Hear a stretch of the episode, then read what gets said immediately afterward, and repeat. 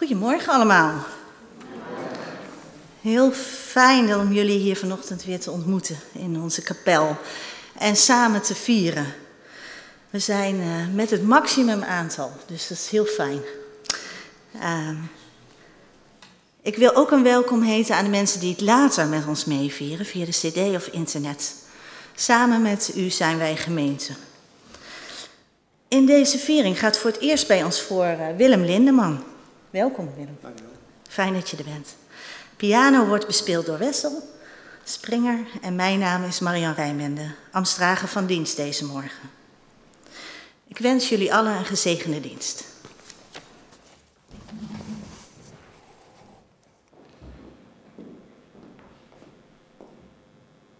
Het is een grote eer voor mij om uh, vanmorgen te mogen voorgaan hier in Duiven.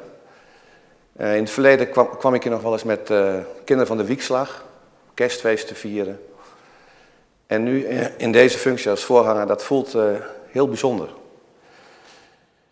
Het thema van vanmorgen is voorbij de dood.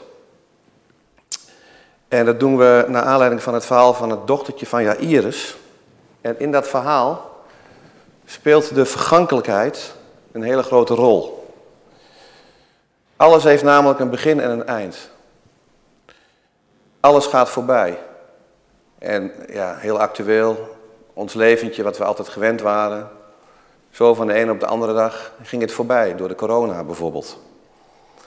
Een oud Johannes de Heerlied zegt, niets is hier blijvend, alles, hoe schoon ook, zal eenmaal vergaan.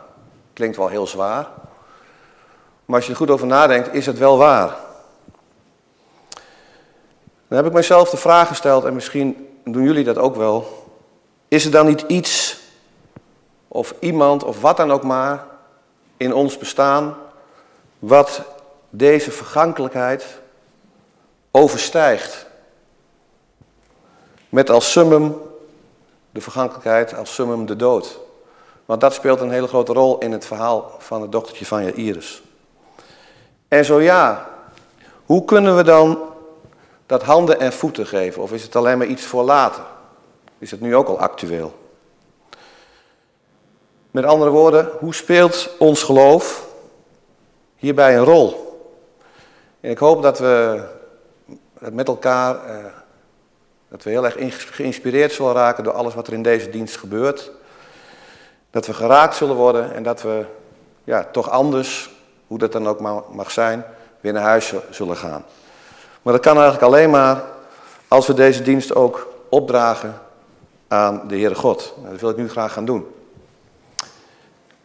Deze dienst is in de naam van Hem die groter is dan onze waarheid. Die meer is dan onze werkelijkheid. Die hoog boven ons verheven is. Die meer is dan al het leven. Deze dienst is in de naam van Hem die groter is dan ons verstand. Die ook meer is dan dat wij kunnen zeggen. Die meer is dan onze beelden over Hem. Deze dienst is in de naam van Hem die niet is vast te leggen. Die de bron is van inspiratie. Die beter is dan het goede die meer is dan zijn eigen creatie, die onze vader is en ook onze moeder. Die zichtbaar wordt, zoals ik het geloof, waar zorg is voor elkaar, waar mensen kunnen huilen en zwakken mogen schuilen, waar kinderen kunnen spelen en rijken willen delen. Wij gaan kijken en luisteren naar een heel mooi lied van Sela. Heer, wijs mij uw weg.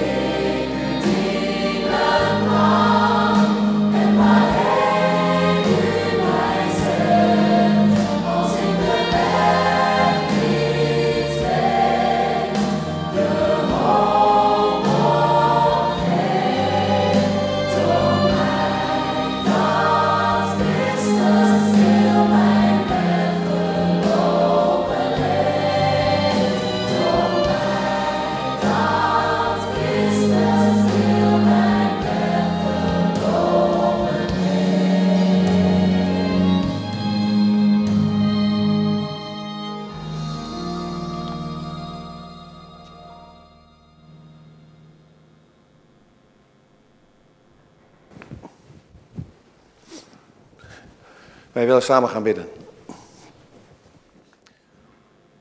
Heer, en zo in de geest van het lied wat we net hebben gehoord, willen we tot u komen, Heer. Wetende dat wij eigenlijk, hoe mooi we ook in elkaar zitten, hoe wonderlijk ook, eigenlijk ook dust in de wind zijn. De pluisjes van een paardenbloem. Het is zo voorbij. Heer, dat beseffen we ons. En tegelijkertijd willen we met uw hulp en door uw inspiratie en ook van elkaar uit het leven halen wat erin zit. En dat valt niet altijd mee, want we willen elkaar graag aanraken, elkaar voelen. En dat is in deze tijd ja, moeilijk. Het gaat eigenlijk niet goed zoals we het zouden willen. Heer, geef ons uw kracht, zodat we verder kunnen. Dat we kunnen blijven genieten in de dingen die nog wel kunnen. En dat we mogen bouwen op u. Want daar komt onze troost vandaan. U bent de schepper van alles wat leeft. Enorme, intelligente creator. En u zult ook nu bij ons zijn. Heer, help ons als we gaan nadenken over de vergankelijkheid. Troost ons, inspireer ons, raak ons. Kom onder ons en in ons. Dit bid ik u uit genade en om Jezus wil. Amen.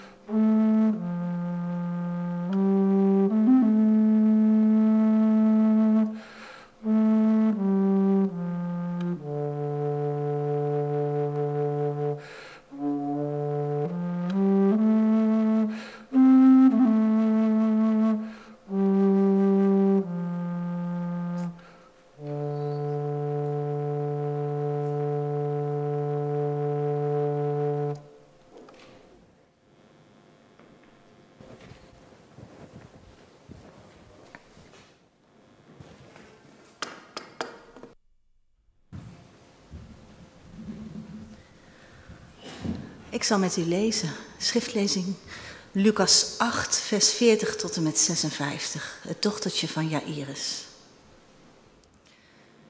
Toen Jezus terugkeerde, werd hij door de menigte opgewacht.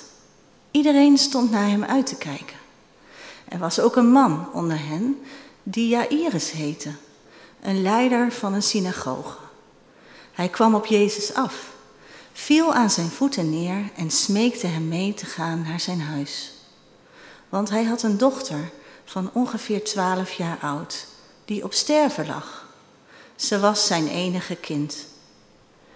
Toen Jezus op weg ging, begonnen de mensen van alle kanten te duwen. Een vrouw die al twaalf jaar aan bloedverlies leed en door niemand genezen had kunnen worden, al had ze haar hele kapitaal aan artsen uitgegeven, naderde hem van achteren en raakte de zoom van zijn bovenkleed aan. Meteen hield de bloedvloeiing op. Jezus vroeg, wie heeft mij aangeraakt? Iedereen ontkende de aanraking en Petrus zei, Meester, de mensen om u heen staan te duwen en te dringen. Maar Jezus zei, iemand heeft me aangeraakt, want ik heb kracht uit me voelen wegstromen. Toen het de vrouw duidelijk werd dat haar aanraking niet onopgemerkt was gebleven, kwam ze trillend naar voren, viel voor hem neer en legde ten overstaan van de hele menigte uit waarom ze hem had aangeraakt en hoe ze meteen was genezen. Hij zei tegen haar: Uw geloof heeft u gered. Ga in vrede. Nog voor hij uitgesproken was, kwam er iemand uit het huis van Jairus tegen de leider van de synagoge zeggen: Uw dochter is gestorven. Val de meester niet langer lastig. Maar Jezus hoorde het en zei: Wees niet bang, maar geloof, dan zal ze worden gered. Toen hij bij het huis kwam, stond hij niemand toe om met hem naar binnen te gaan, behalve Petrus, Johannes en Jacobus en de vader en moeder van het meisje. Alle aanwezigen waren aan het weeklagen en sloegen zich van verdriet op de borst. Hij zei: Hou op met klagen, want ze is niet gestorven, maar slaapt.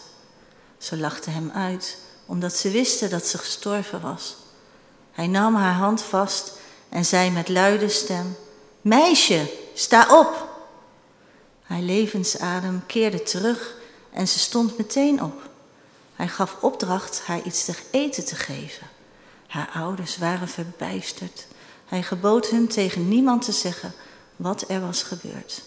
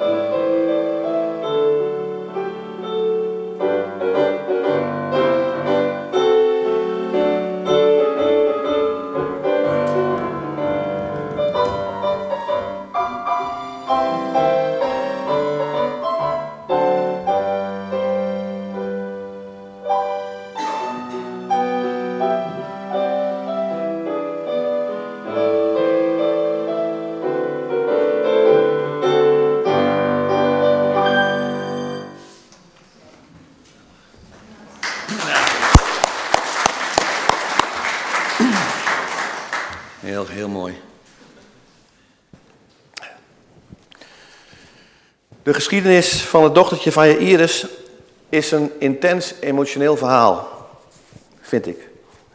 Omdat er zich een tegenstelling afspeelt die wij allemaal maar al te goed kennen.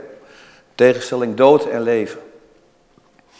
En nou is de vergankelijkheid een thema wat mijn hele leven lang al wat ik de hele leven lang al met me meedraag. Het begon al toen ik tien jaar was. Zat ik eh, in zo'n heel mooi tentenkamp van de Nederlandse Baptiste Jeugdbeweging. En het was echt een geweldige week. Vriendschap, uh, spelletjes doen. Uh, echt zo mooi. En ik wenste mij, onbewust natuurlijk, want ik was tien, dat dit nooit meer voorbij zou gaan. Dit moest altijd blijven, maar het ging wel voorbij. Want op de zaterdag moesten wij afscheid nemen. En ik kon dat niet. En ik weet nog dat ik mij ging verstoppen in het bos. Ik, kreeg het gewoon niet voor elkaar. Ik kon gewoon niet accepteren dat zoiets moois weer voorbij zou gaan. Ik ben eigenlijk mijn hele leven al op zoek geweest naar iets wat onvergankelijk is. Waar je echt van op aan kan, zeg maar. Wat niet voorbij gaat, wat altijd blijft.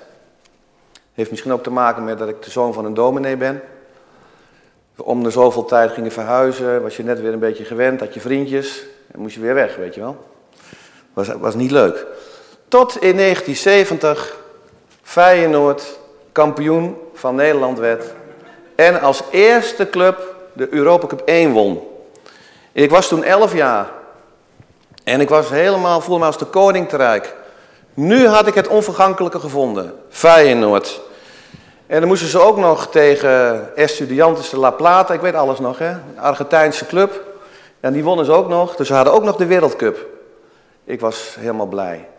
En toen moesten ze de volgende ronde tegen een ontzettend onbeduidend clubje uit Roemenië. Je hoort al aan de naam dat het niks is. UT Arad. UT Arad. Nog nooit van gehoord. En ze vlogen eruit. En mijn wereld als kind, dat weet ik nog heel goed, stortte in. En dat overdrijf ik niet. Ik, ik kon het, hoe kan dat nou? Hoe kan dat nou? En toen was ik 16, toen gingen we douwtrappen. Wij deden dat op de Brommer, op Hemelvaartsdag. Ja, dan uh, zag je meer, hè? en ik weet nog dat we op de weg terug waren en mijn brommer reed het uh, langzaamste. En ik probeerde dat nog uh, door helemaal plat met mijn brommer te gaan liggen te voorkomen. En toen in een vlaag van verstandsverbijstering reden wij een kruising over. En toen reed ik tegen de linker achterwiel van een auto. En toen werd ik door de lucht heen geslingerd. En gelukkig, godzijdank, stond ik weer op. En toen heb ik mij voor de eerste keer heel erg beseft hoe fragiel, hoe kwetsbaar het leven eigenlijk is. Dat kwam met een dreun, kwam dat echt letterlijk en figuurlijk, werd ik als het ware wakker geschud. De meeste van, van jullie weten misschien wel dat ik vier Duitse herders heb. Dat is mijn lust en mijn leven. Vanmorgen heb ik ze nog weer uitgelaten. En toen gebeurde het uh, voor de eerste keer dat de jongste, samen met uh, de grootste, zeg maar, met z'n tweeën een stok in de bek. Één stok en dan kwamen ze zo aange, aangehuppeld. Nou, dat was van een schoonheid. Echt fantastisch, daar heb ik enorm van genoten. Maar ik heb ook zoiets van, op het moment dat ik heel intens geniet, weet ik ook dat dat niet voor altijd is. En dan vraag ik me af, waarom dan niet? En je verstand zegt dan tegen je, ja, niet zeuren, alles heeft een begin en een eind. Ja, maar er is ook nog het hart, hè?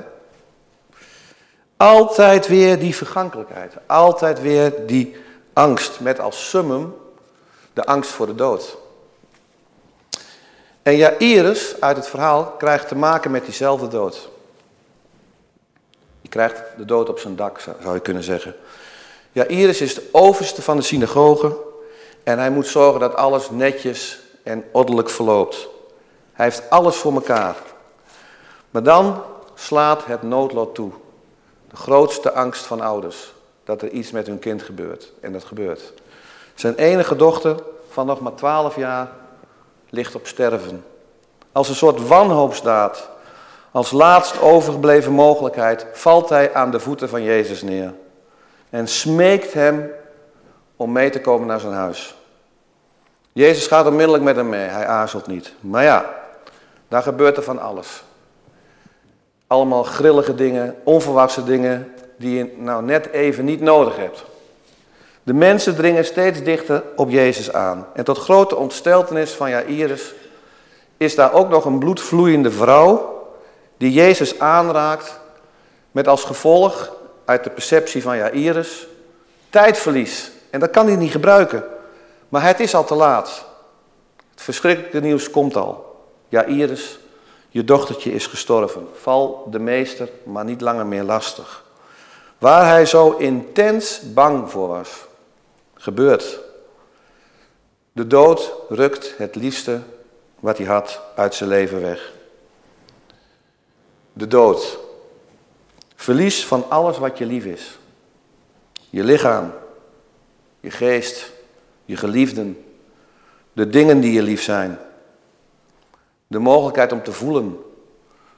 De dood betekent verdriet, onnoemelijk veel lijden en een gigantische inbreuk op je bestaan.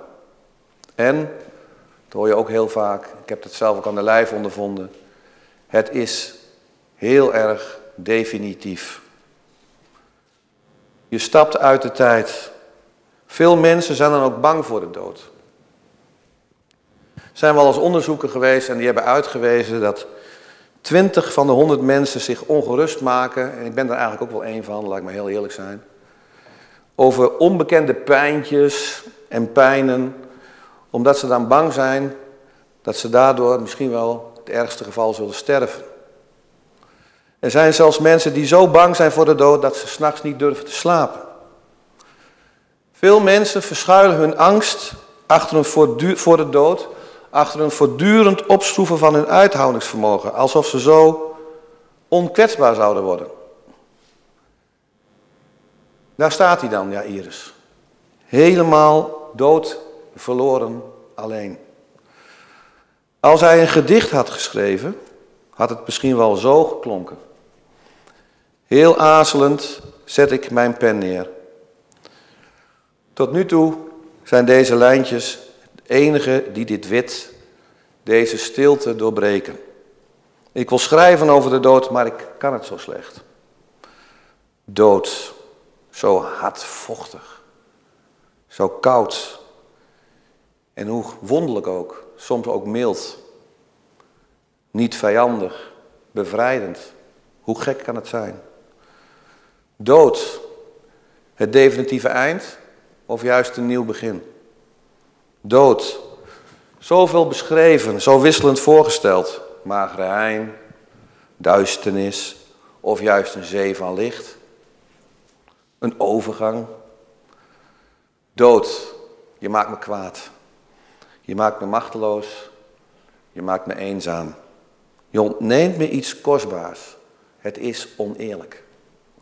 Je kwam dichtbij, te dichtbij. Je kwam geruisloos, heel snel, te snel.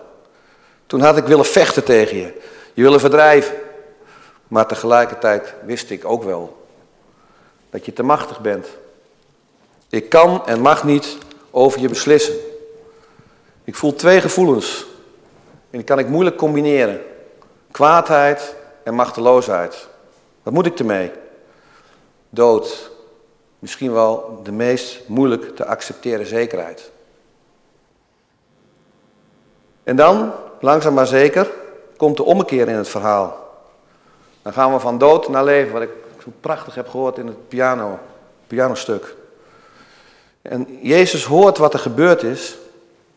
En dan spreekt hij misschien wel voor de aanwezigen, misschien wel, voor de aanwezigen een onbegrijpelijke zin uit.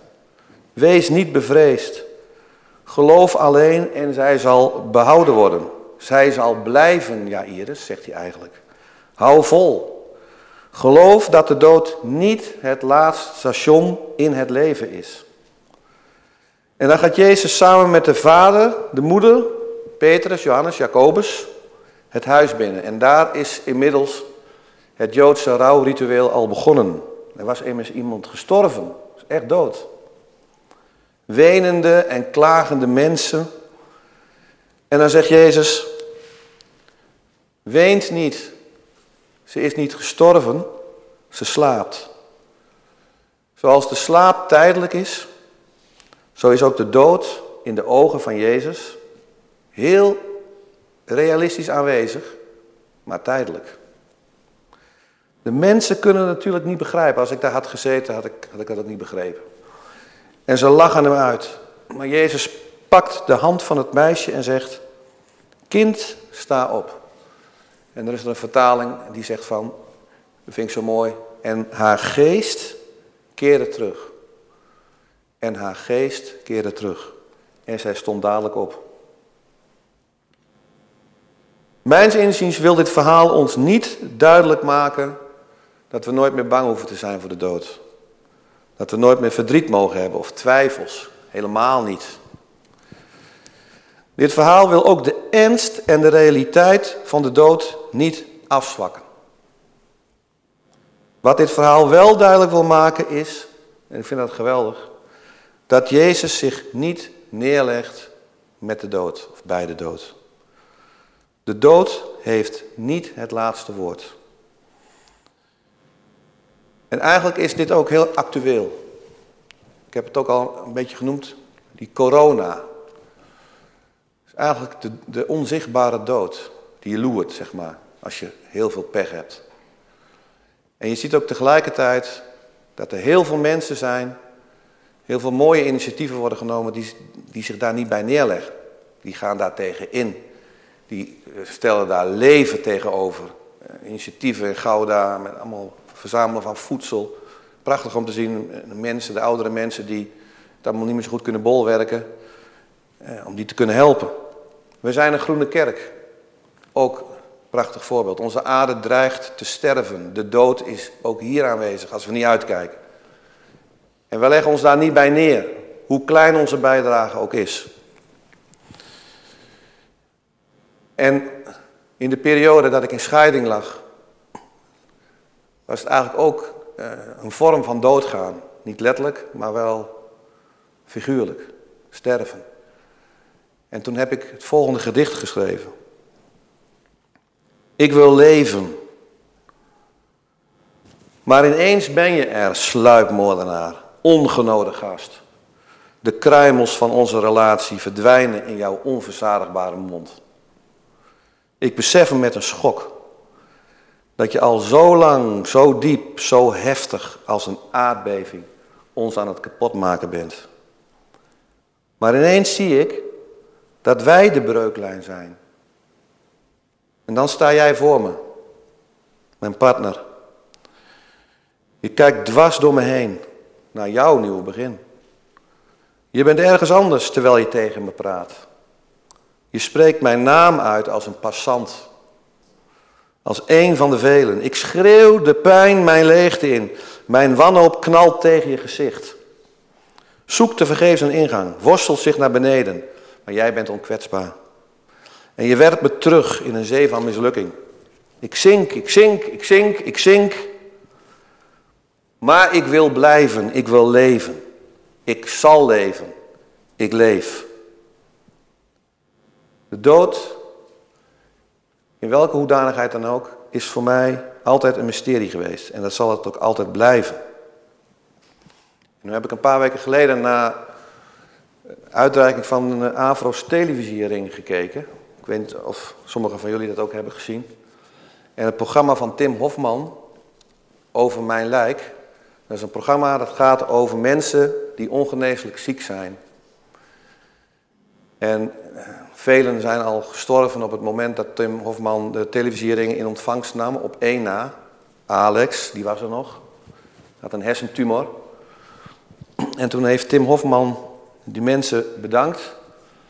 En toen heeft hij een aantal levensuitspraken van die mensen heeft hij genoemd. Dat vond ik zo geweldig en toen dacht ik, wil ik graag met jullie delen. Alex, dat was degene die nog, nog leefde, die ook in de, in de schijnwerper stond.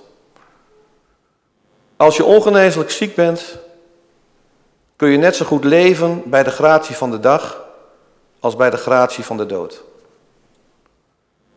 Mirjam. Laat je brengen waar de wind je heen waait. Lotte. Zoek als een ster de goede plek aan de hemel voor jezelf. Fabienne, dans in de regen en wacht niet tot de storm voorbij is. En als laatste noemde hij zijn grote vriend Jeroen. Wees een beetje lief voor elkaar. Want morgen, lieve mensen, is niet beloofd. Als ik je mis, kom jij zo dichtbij. Raak je me aan, ben jij in mij en blaas jij de vergankelijkheid nieuw leven in. Het is alsof je zegt, praat over mij en ik zal bestaan. Leef met mij en ik zal blijven. Lieve mensen, we zullen er allemaal aan moeten geloven aan de dood. Maar toen las ik op een gegeven moment, het leven is te kort voor zoiets moois. Vond ik echt een geweldige zin. Het leven is te kort voor zoiets moois. Het trof me heel erg diep. En toen heb ik besloten, je kunt ook zeggen, zo ervaar ik het ook, toen heeft God mij laten zien dat de dood niet het laatste station is. Ik wil dat gewoon niet. Ik wil het gewoon niet. Het kan niet en het mag niet. Het kan niet omdat het, als, omdat het in mijn beleving dan een ontkenning van mijn bestaan is. Het mag niet omdat verdwijnen in het eeuwige niets mijn houden van geen goed doet. Het zou niet compleet zijn. Het zou een toneelstuk zijn. De teerling is geworpen van Satra. Red je maar, maak er een mooi leven van. Als je geluk hebt, word je 80, 85, ben je gezond. Als je pech hebt, sterf je al in de baarmoeder of word je geboren in een oorlogsgebied. Kan niet. De dood zie ik meer als een springplank, een soort motivator, of om het heel mooi te zeggen, een troostzoekende katalysator naar het leven. In maart is mijn moeder overleden. 4 maart werd ze 89. 5 maart is ze overleden aan de gevolgen van de ziekte van Alzheimer. We hebben nog mooi haar verjaardag kunnen vieren met vlaggetjes en muziek en was hartstikke mooi. Maar toen hadden we al zoiets van, ze is al bezig om over te gaan als het ware. En toen een week later hebben we, de, uh, hebben we zeer waardige wijze, gelukkig nog net voor de corona, afscheid van haar kunnen nemen. En toen heb ik het volgende verhaaltje voor haar geschreven. Waarom klamp je je zo aan mij vast? vroeg het leven aan de dood. Zo krijg ik toch geen adem meer, man. Ik word doodziek van jou. Ja, zei de dood. Ik ben nu eenmaal in leven. Dat verander jij niks aan. Maar zie het eens van een andere kant. Bedenk dat je zonder mij een gebed zonder eind bent. Weet je wel wat een gebed zonder eind is, leven? Dat is dodelijk vermoeiend en eeuwig saai. Heb je daar zin in? Wie kan dat bevatten? Doe niet zo moeilijk, jongen. Kom, omarm me. Daarop omhelste het leven de dood. En zij trouwden. Zij waren intens gelukkig, het kon niet op. Ze zijn nog steeds bij elkaar, zei de een. Logisch, zei de ander. Maar toen, op een gegeven moment, zag het leven een mens. Zo mooi, zo oud, 89 jaren. Zo lief en zo onschuldig opgevreten door de Alzheimer. Dat het leven met een schok tot zichzelf kwam. En 20 centimeter zakte. Hij maakte er een hattenzaak van. Hij scheidde van de dood, wegwezen hij. En gaf zich over aan de hartewens van eeuwig leven. En de dood, hij stierf. Want hij kon het leven niet volgen. En mama werd zachtjes meegevoerd door het leven met een hoofdletter. Omringd door engelen en gedragen door God zelf. En ik zag een nieuwe hemel en een nieuwe aarde. Want de eerste hemel en de eerste aarde zijn voorbij en de zee is er niet meer. Toen zag ik de heilige stad, het nieuwe Jeruzalem, uit de hemel neerdalen bij God vandaan. Ze was als een bruid die zich mooi heeft gemaakt voor haar man en hem opwacht. En toen hoorde ik een luide stem vanaf, vanaf de troon die uitriep, Gods woonplaats is onder de mensen gekomen. Hij zal bij hen wonen. Dat deed hij al, maar nu volledig, totaal. Zij zullen zijn volken zijn en God zelf zal hun als een God zijn, aanwezig zijn bij hen. En hij zal alle tranen uit hun ogen wissen. En er zal geen dood meer zijn. Geen rouw, geen jammerklacht, geen pijn, want wat er eerst was, is voorbij. De dood voorbij. Is dat geen geweldige troost? Voor mij wel. Dit is Gods reactie op de vergankelijkheid. Hij zegt als het ware, vind ik ook zo'n hele mooie tekst. Ik ben die ik ben. Geloof dat nou. Ik ben onvergankelijk. En hij zegt ook, zie mij in mijn Zoon Jezus Christus. Kijk dan als het over de dood gaat ook en besef dat en denk erover na. Naar zijn offer aan het kruis van Golgotha. Zie ook en geloof ook zijn opstanding uit de dood. Niet alleen symbolisch, gewoon echt. Leef in mijn kracht samen met elkaar. Wees mijn handen en mijn voeten. Heer, geloofd en geprezen zij uw heilige naam. Amen. Wij gaan nu kijken naar een nummer van Stef Bos. En ik, ik vind het een onbeschrijfelijk mooi nummer. Hij heeft het uh, gezongen uh, op een herdenkingsbijeenkomst. De slachtoffers van de schutter Alphen aan de Rijn. Je ziet straks ook zes mooie pilaren met bloemen erop. En dan zingt hij een ongelooflijk mooi nummer, vind ik. De omgekeerde tijd. Daar gaan we nu naar luisteren.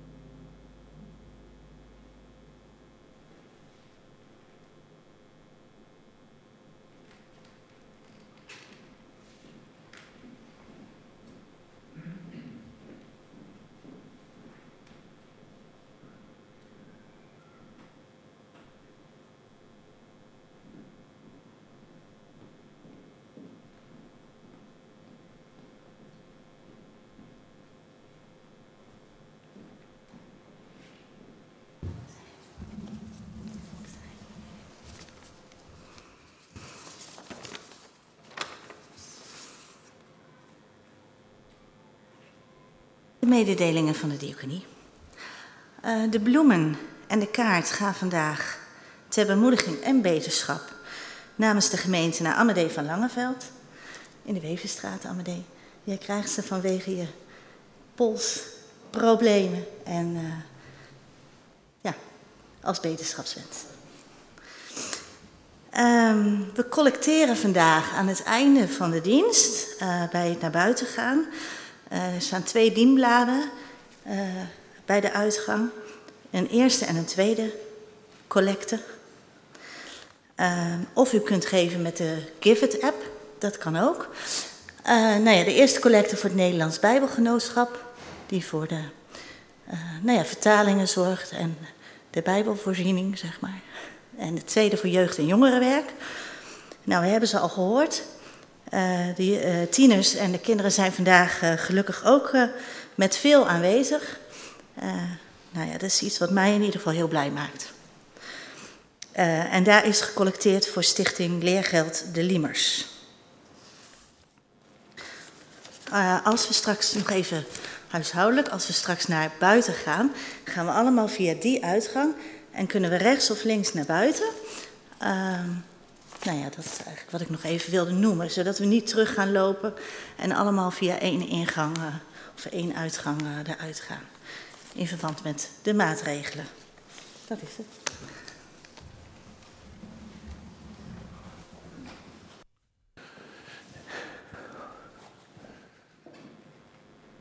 We willen een ogenblik hebben van stil gebed. En dan gaan wij samen bidden. Het gebed wat Jezus ons geleerd heeft. Het Onze Vader. Een ogenblik van stil gebed waarin u zelf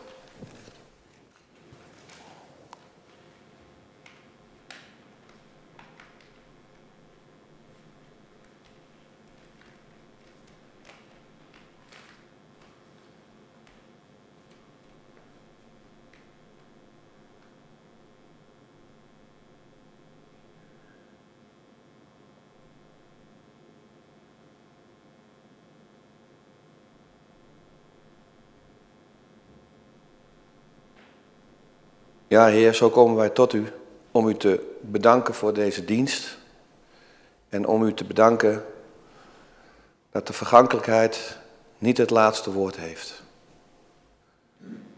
Wil zo als wij naar huis gaan met ons zijn, wil met onze wereld zijn. Zij staat in brand. Er gebeuren gelukkig ook nog heel veel mooie dingen, maar ja, er zijn toch ook veel zorgen. Heer, blijf bij ons, inspireer ons en dat wij ook elkaar niet uit het oog zullen verliezen. Heer, dan gaan wij nu samen het gebed bidden wat u ons geleerd heeft. Onze Vader, die in de hemel zijt, uw naam worden geheiligd, uw koninkrijk komen, uw wil geschieden, de aarde zoals ook in de hemel. Geef ons heden ons dagelijks brood en vergeef ons onze schulden als wij ons schulden gegeven. Het ons niet in verzoeking, maar verlos van de boze. Want u is het koninkrijk en de kracht en de heerlijkheid van de eeuwigheid. Amen. Gaan we zo kijken naar een fantastisch nummer uh, uit de beste zangers, uh, het programma De Beste Zangers van Miss Montreal, Door de Wind, heet dat nummer. En uh, ik vind het nummer zo mooi. Met, uh, met de energie die zij daar, die, waarmee zij dat nummer zingt. Vanuit haar ziel eigenlijk. Zo voel ik dat. Wordt de dood voor even verslagen door haar prachtige stem. In het begin van de tekst gaat als volgt. Zie je voor me met mijn ogen dicht. Uh, kan je voelen met mijn hart op slot. Hoor je praten, maar je bent er niet. Voel me verloren als ik jou moet verliezen, de angst. En je mag nog niet sterven, want ik kan je niet missen. En dan gaat het nummer zo door. Wij luisteren naar Miss Montreal.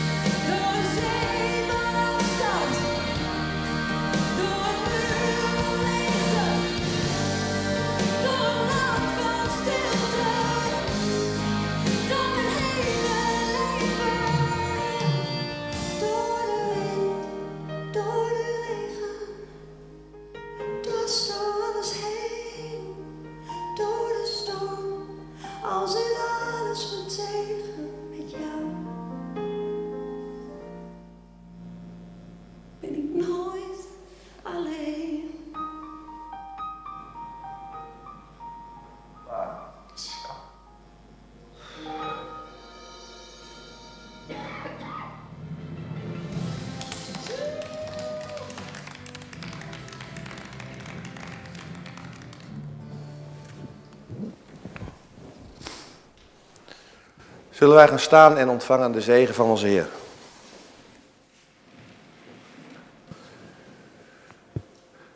De liefde van God onze Vader.